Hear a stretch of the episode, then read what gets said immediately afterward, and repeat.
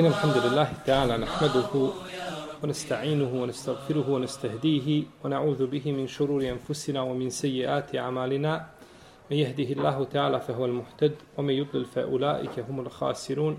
وأشهد أن لا إله إلا الله وحده لا شريك له وأشهد أن محمدا عبده ونبيه ورسوله وصفيه من خلقه وخليله أما بعد فإن أصدق الكلام كلام الله تعالى وخير الهدي هدي محمد صلى الله عليه وسلم وشر الأمور محدثاتها وكل محدثة بدعة وكل بدعة ضلالة ثم أما بعد Došli smo do poglavlja u kome autor kaže babu mine širki iradetu linsani bi ilmihi dunje.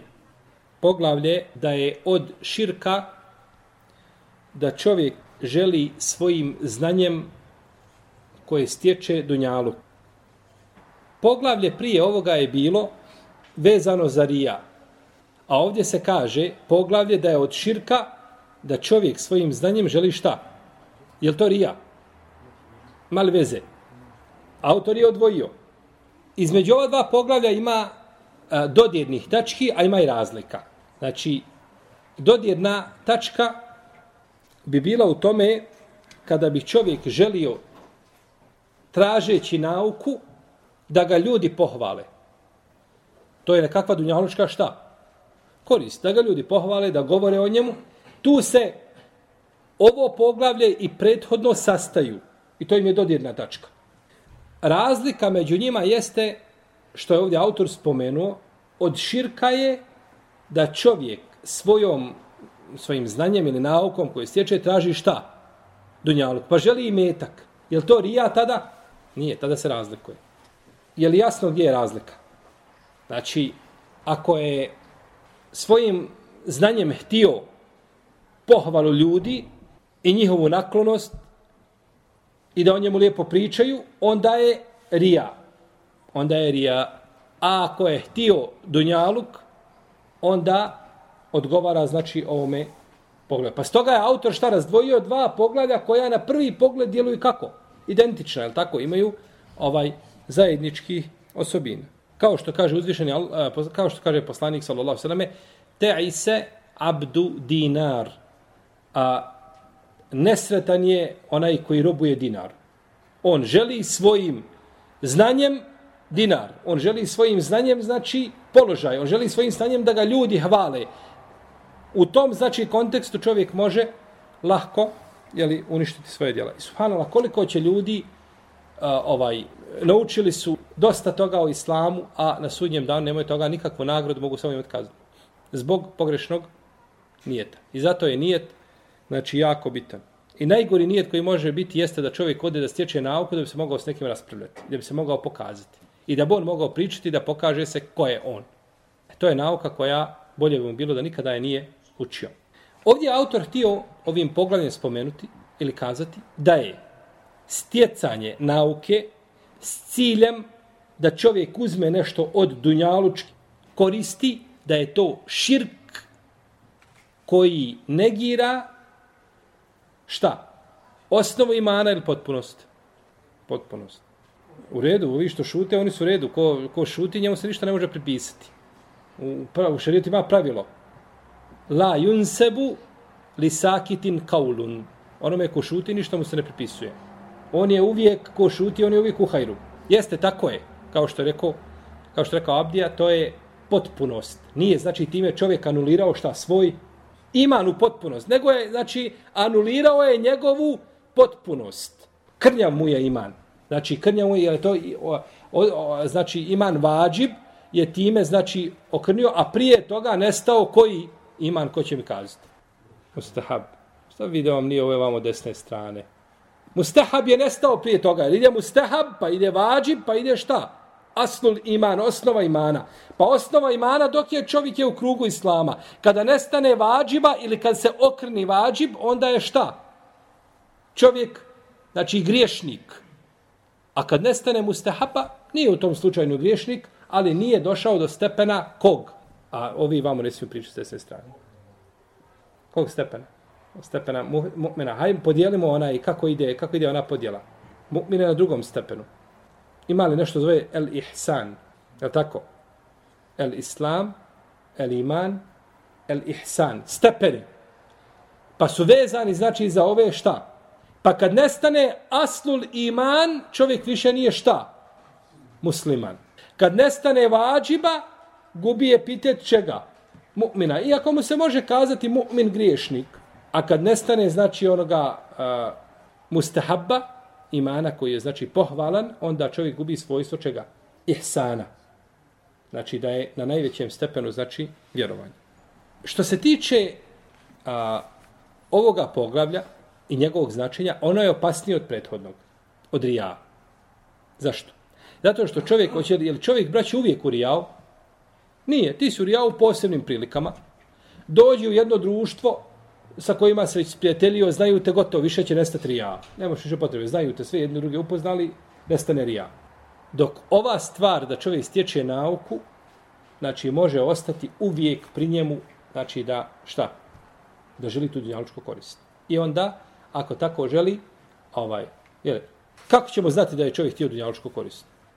Nekom kaže, dobit ćeš položaj muftije, idi uči. I on kaže, ako ću dobiti položaj, ja odam. I odam. I uči, uči. Uvijek mu je, u, pred očima mu je šta?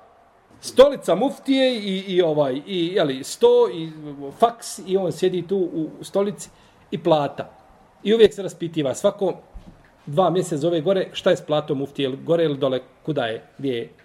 On je otišao da uči osnovi radi čega?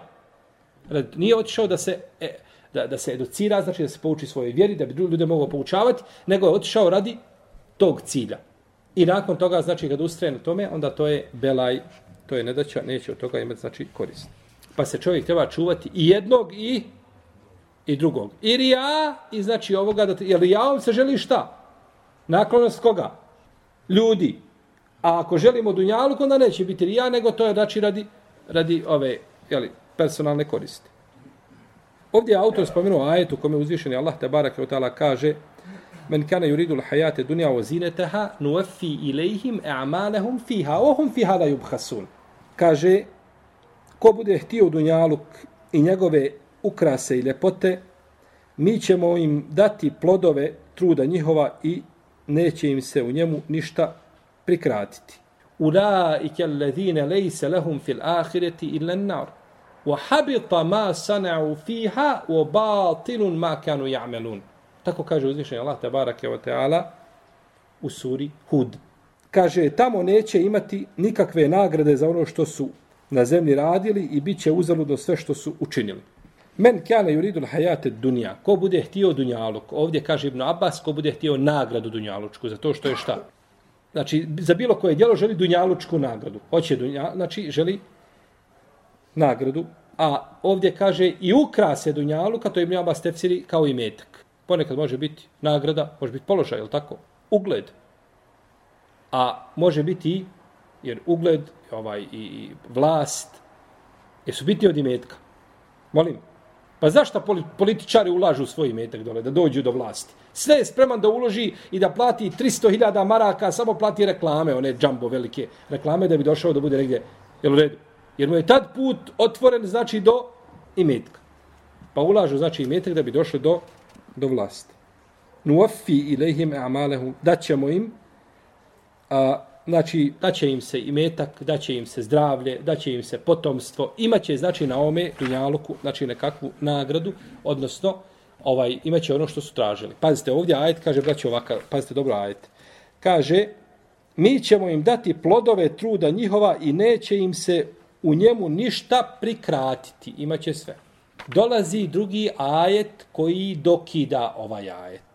Drugi ajet koji ga dokida u suri El Isra u kome uzvišeni Allah tabaraka wa ta'ala kaže men kane yuridu l'ajilete ajjalna lehu fiha ma neša'u limen nurid. Ko onome ko želi ovaj svijet mi mu brzo dajemo šta hoćemo i kome hoćemo. Pazite dobro slušajte u prvom ajetu je rečeno da ćemo im sve i ništa im se neće šta. Imaju sve. A ovdje se kaže da ćemo onome kome želimo ha, i šta hoćemo. Pa je ovaj ajet dokinuo šta? Prvi ajet. Ali, braćo, kada kažemo dokinuo kod Selefa, kod prvih generacija, dokidanje je imalo jedno dodatno značenje koje nije imalo kod kasnijih učenjaka, a to je ograničavanje. Pa ovaj ajet nije u stvarnosti po našem shvatanju i razumijevanju, nije dokinuo ajet iz sure Hud, nego ga je šta?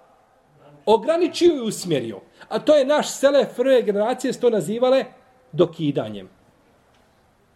Pa jako bitno čovjek kad čita knjige, kad spomene tamo neko selefa, kažu taj ajet dokinut, kaže pa vidiš da je dokinut, treba raditi po njemu. Ne, nije dokinut. Kod njih dokidanje može znati šta? ograničavanje njegovog značenja. Pa je ovdje značenje ostalo u globalu jedno, samo što je šta? Ograničeno, pa neće dobiti svako ko želi, neće dobiti sve što želi, nego će dobiti onaj kome uzvišeni Allah te barak tela bude šta htio da to da. Jel u redu? Pa bi na takav način, znači, kada pročitamo, znači dokinut, da mi smo kazali kako sad dokinut. Dokinut je u tom smislu, u protivnom kazat ćemo šta? ograničen je, znači, a nije dokinut. Kaže Katade, kome bude Dunjaluk briga? Znači, njemu je briga sva na zemlji što ima Dunjaluk. I samo se o njemu, znači, zabavi, Allah te barak tala će mu dati na ome Dunjaluku, a na Ahiretu neće imati ništa. A vjernik, kaže, ima nagradu i na Dunjaluku i na Ahiretu. Pa vjernik, znači, uzima duplu nagradu a na ahiretu mu ta nagrada biva ha, do 10 puta, do 700 puta, ili Wallahu yudaifu li men ješa, Wallah, Allah te barak je tala, daje i umnožava kome želi i koliko šta, i koliko želi. Ovako je spomenuo Ibnu Đerir u svome tefsiru, potom Ibn Đarir spomenuo jedan lijep hadis. Spomenuo je hadis od Šufeja ibn Matija, Al-Aspehija, kaže, došao sam u džamiju, u Medinu. I ušao, kaže, kad čovjek sjedi i oko njega ljudi okupljeni, on im priča. Pa sam mu pitao, ko je ovo? Kažu Ebu Hureyre. Kaže, pa sam sačekao dok se ljudi nisu razišli. I kada su se razišli, kaže, prišao sam. I nije bilo nikoga, nego ja i on sami. Pa sam mu rekao, kaže, Allahom te preklenjem. Ispričaj mi nešto što si čuo od poslanika, sallallahu alaihi wasallame, i što si shvatio i razumio. Što ti je na srce leglo. Pa rekao Ebu Hureyre, kaže, hoću. Pričat ću ti, kaže, hadis koji sam čuo od poslanika, sallallahu alaihi vseleme, u ovoj džamiji, a nije, kaže, sa nama bilo trećeg. Nas dvojica stojimo ili sjedimo i priča mi nema trećeg. Ispričat ću ti hadis. Pazite, znači ovaj hadis da je Ebu Urede nije ga prenio šta? Ostao bi, ne, jer prenio, možda ga je spomenuo poslanik, sallallahu nekom drugom, a možda i nije. Iako ima hadis u ome kontekstu, sjećam se kod, kod, kod muslima u Sahihu od Ibnu Mesuda. Ali nije ovakva priča je došla od Ebu, Hore, ovaj, od Ebu Horere ovaj, lijepa. Kaže, pričat ću ti. Hadis, pa je Ebu Horere uzdahnuo jedan put ili dva put, pa se on svijestio. Pa kad se ponovo ovaj, došao sebi, se probudio, kaže, pričat ću ti, kaže, hadis koji mi je poslanik sa osam pričao u ovoj džamiji, nije bilo trećeg među nama. Nazvojite sami. Pa je ponovo uzdahnuo dva puta, pa se na, na lice strovalio. Pa je dugo potrebno dok se osvijestio. Pa kada se osvijestio, kaže, pričat ću ti, kaže, hadis koji mi je pričao poslanik sa osam u ovoj džamiji, nije bilo trećeg među nama. Rekao mi je, u Ebu Horeire, na sudnjem danu, kaže, uzvišeni Allah te barak i otala će, kaže, doći da sudi ljudima. A svi ummeti će klečati. Kleče ljudi. Pa će pozvati prvo čovjeka koji je naučio Kur'an, i pozvaće čovjeka koji je borio se na Allahovom putu i čovjek koji imao veliki imetak. Pa će kazati ovome učaču, Kari, kaže, zar te nisam poučio Kur'anu i onome što je objavljeno poslaniku mome, sallallahu ala rasulillah. Kaže, jesi gospodar. Kaže, šta si radio po onome što si naučio? Kaže, gospodaru moj, kaže, učio sam Kur'an, tvoju knjigu, na početkom i krajem dana. Pa će uzvišeni Allah te barak tela kazati, lažeš. I meleki će također kazati, lažeš. Učio si ga da bi kazali kari, da bi kazali karija, učač, dobar. Zato si ga učio. Pa će doći sa čovjekom koji ima puno imetka, pa će ga uzvišeni Allah te barak tela pitati o tom imetku, robe moj, šta si radio s tim imetkom koga sam ti dao. Kaže, gospodaru moj, kaže, dijelio sam ga na tvome putu. Na tvome putu sam dijelio taj imetak i želeći tvoje zadovoljstvo. Pa će reći uzvišeni Allah, te barak tala, lažeš. Pa će i meleke kazati, lažeš. Dijelio si ga da bi kazali ljudi džavad, da bi ljudi govorili kako si plemenit, da režljiv. A nisi ti to davo radi Allaha za uđel. I dovešće onda čovjeka muđahida, borca. Šta je s tobom bilo? Kaže, gospodaru, propisao si mi džihad i ja sam se borio na tvome putu. Kaže, lažeš. Pa će i melek kazat, lažeš. Borio si se da bi ljudi kazali hrabar. U okad kil i rečeno je, to je tvoja nagrada. Rečeno je da si plemenit, rečeno je da si dobar karija, rečeno je da si, da si ovaj a, a, hrabar. Uzeo si, dakle, ti se borio radi čega? Da bi ljudi rekli šta? Karija. I ljudi su kazali, jesi li dobio ono što si tražio? Jeste li nije? Jeste. Ti se borio da bi ljudi kazali kako sa... I ljudi svi govorili hrabar, hrabar, hrabar i uzeo svoju nagradu. Ali na ahiretu nema više. To je gotovo. Na Dunjalu si uzeo svoju nagradu za to. Kaže, potom je, kaže, udario mene po koljenima. Rekao, kaže, Ebu Hurire, kaže, ovo su trojica ljudi sa kojima će biti potpaljena vatra džehennemska. Hadis u ome kontekstu ima kod, kod, kod muslima od Ibnu Mesauda, ovaj, ali nije nije priča ovakva. Nego je samo znači ljudi koji će biti prvi koji će biti potpaljan sa vatra džehennemska. Ovo je, subhanallah, ovaj hadis ko svati i ko razumije, on će promijeniti svoja dijela i svoj pogled na svoj rad i na sve što čini. Jer kakva je propast, braćo, da čovjek ovdje radi, da naučiš ti džuz na pamet. Koliko treba da naučiš? Koliko treba? Sedam dana, osam dana, koliko treba? 15 godina. Dobro. Među nama ima iskrenih, među nama ima ovaj optima, pesimista, ima svakakvi, u redu. Nije bitno. Naučiš džuz, naučiš dva, naučiš, Allah te otvori pa A, naučiš hadisa, slušaš, poslušao si 300 predavanja.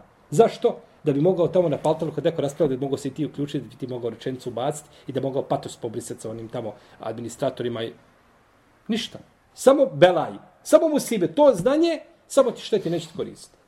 Tako je po pitanju čovjeka koji, ovaj, on će dati ovaj, na lahom putu ako svi vide. Ali ako niko ne vidi, ha, tada je ništa ili mizerno.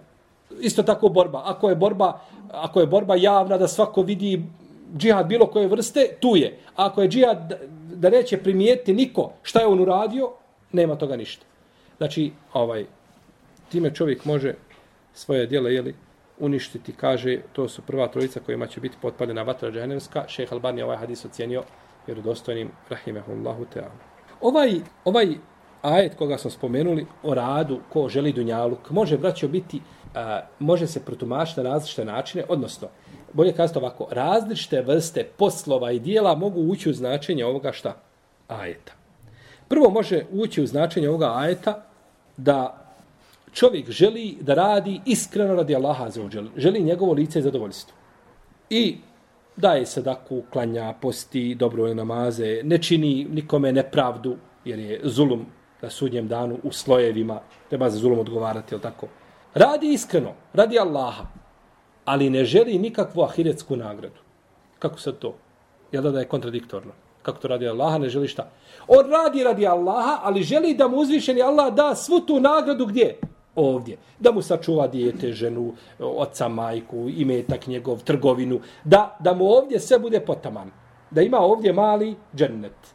On ne razmišlja o ahiretu, niti radi, niti da to tamo zanima.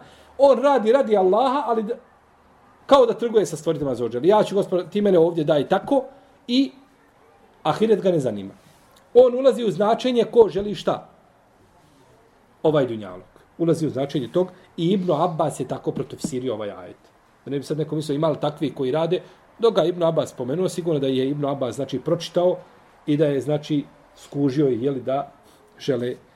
Jer Ibn Abbas je znao ovaj eh, ljude Ibn Abbas je, vi znate da Ibn Abbas ima hadis kod njega, tako spominjali smo ga na prošloj hutbi, ne, nego, znači na prošloj kad smo govorili o svetosti muslimanske krvi. Pa spomenuli hadis, da ima hadis od Ibn Abbasa, da će doći ubica na sudnjem danu i ubijeni. Ubijeni drži ubicu. Pa će reći, gospodaru moj, ovaj me ubio, kaže, fejudnihi min arš, pa će ga približiti blizu arš.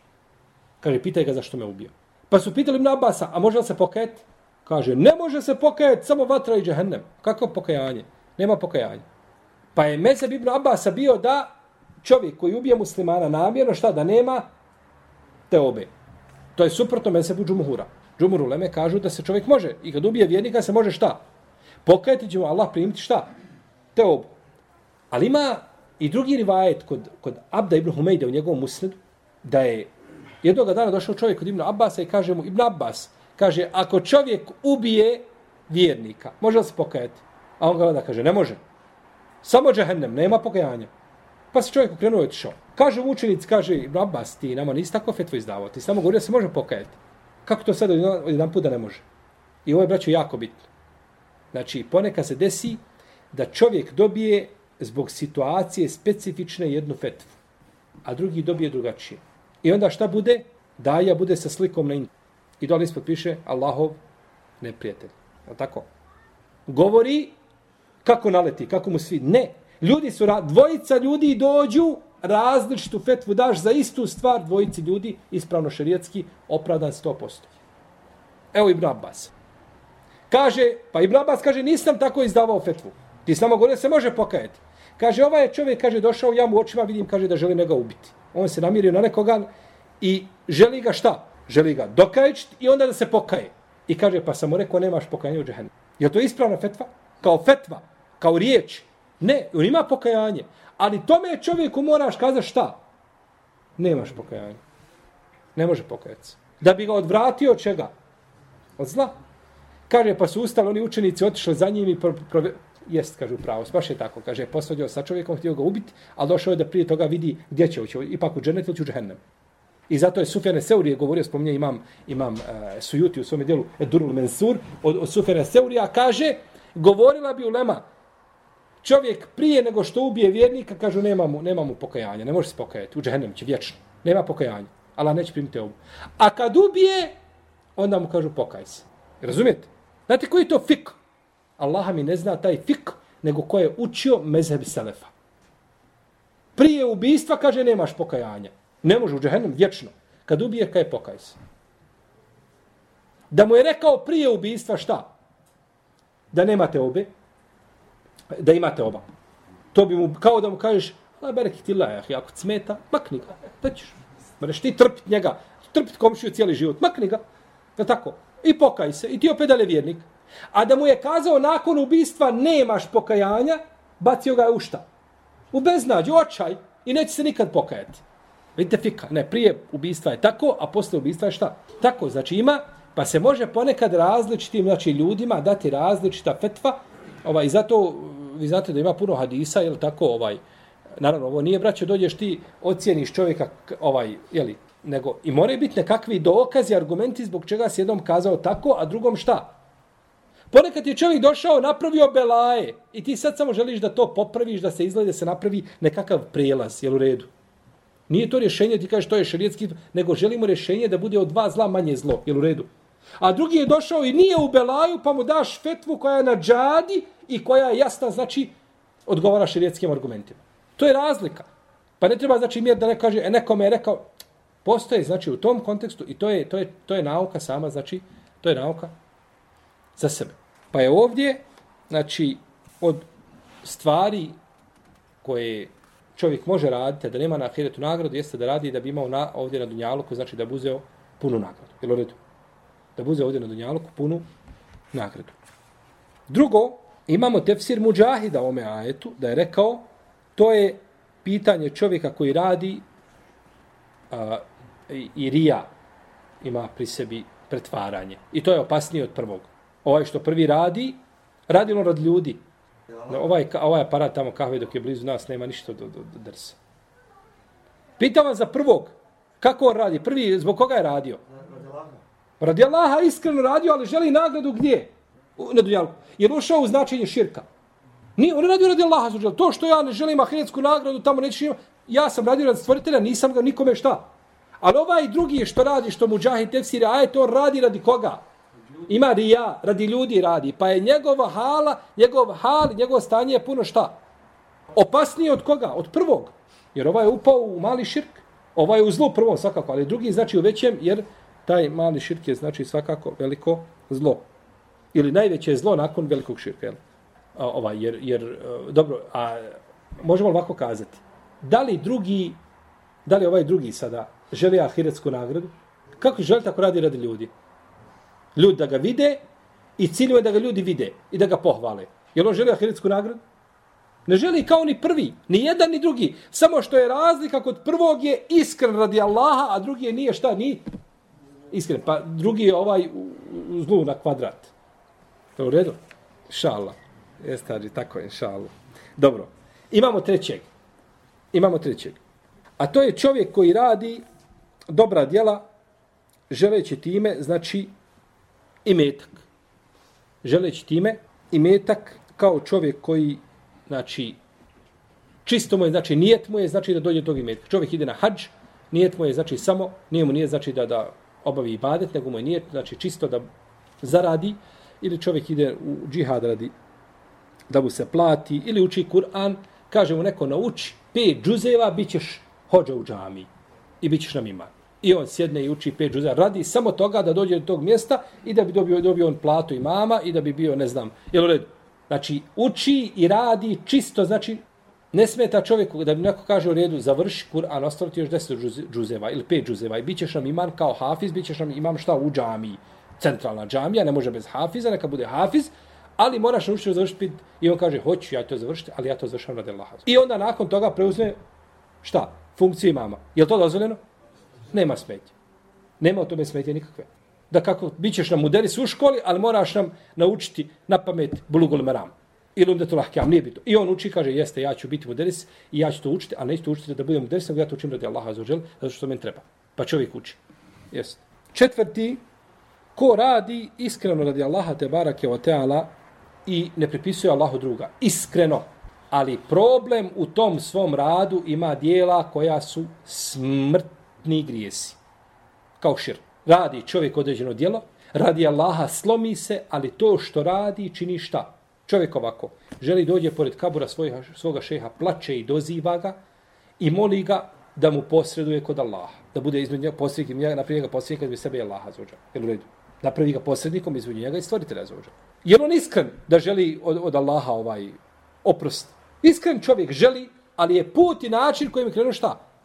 Pa ga to izvede van okvira Islama. Pa takav čovjek znači opet nema znači nema nagradu nikakvu ahiretsku, ovaj znači za djelo koje je li koje čini. I Enes ibn Malik je tako protumačio ovaj ajet. Iz toga su braćo Selef bojali se znači za svoja djela, hoće li im biti primljena. I zato su govorili, ovaj, e, Ibn Omeru je došao, e, kako spominje Abdelber, došao mu je prosjak i kazao mu, daj mi nešto, pa mu je dao dirhem ili dinar, pa je rekao sin mu, Salim kaže, takabbel Allahu minke ja ebeta, kaže, babuška moj, Allah primio od tebe. Kaže, sine, vallahi, da znam, kaže, da je Allah primio od mene jednu seđdu koju sam Allahu uradio, bilo bi mi, kaže, draže od dunjaluka i svega što je na dunjaluku. Zar, kaže, uzvišeni Allah nije u Kur'anu rekao, innema je tekabbelu Allahu minel muttaqin, kaže, Allah primao samo od bogobojazni. Hoće kazati, ako Allah primi od mene jednu seđdu, ili ako od mene primi ovaj, ovaj, ovaj dirhem, znači ja sam šta? Bogoboja. Ali hajde, znaj. I to čovjek kada bi znao, možda bi se oholio.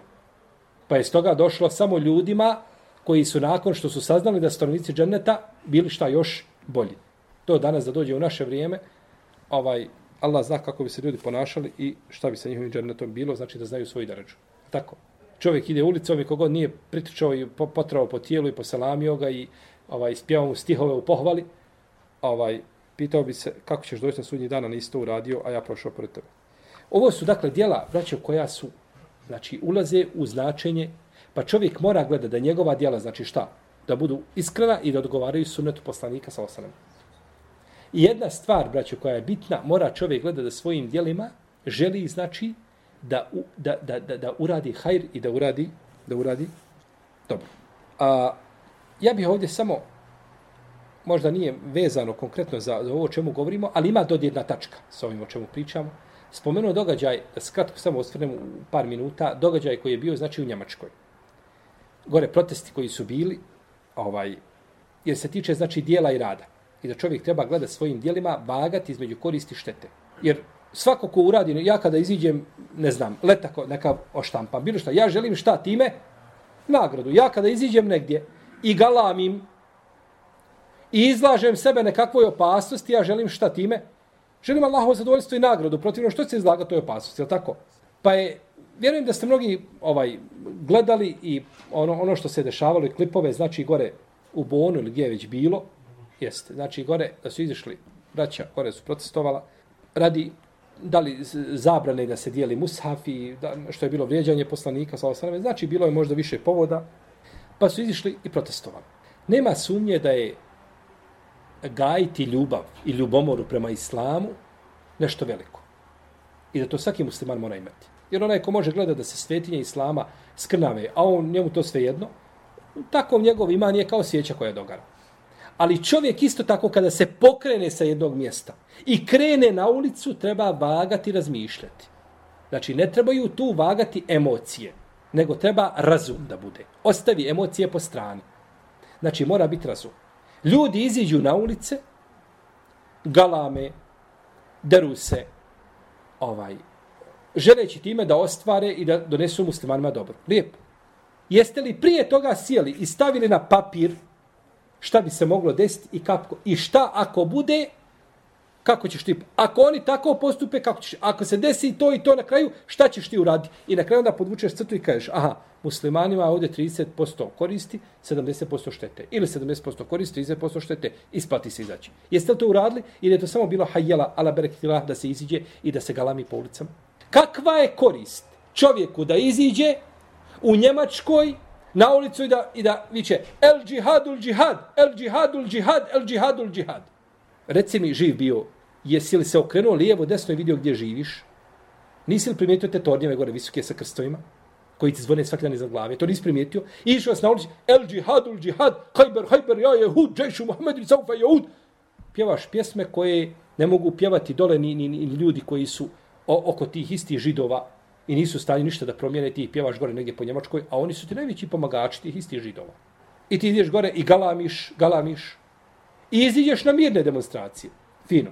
Mirne demonstracije, na mirne demonstracije ima kamenje i na mirnim demonstracijama ima šta? Ima nože. I onda napadete na policiju. I onda šta policija radi? Ponižava vas. Četiri, pet policajaca sa bezbol palcama trče oko, oko, oko e, čovjeka selefije i udaraju ga dok ne padne, znači, dok se ne suši na zemlju. I onda ga još udara dole šakama. Pa dobro, čovjek je na zemlji gotovo, više ne može niko da vas je pet oko njega. On, onda, onda je, ko, ko, ne znam, ko, ko div, on ne može se više pomjeriti. Ali još ga udara šakama i onda mu, onda mu koljeno, znači zabije u facu, da ga ponizi što više.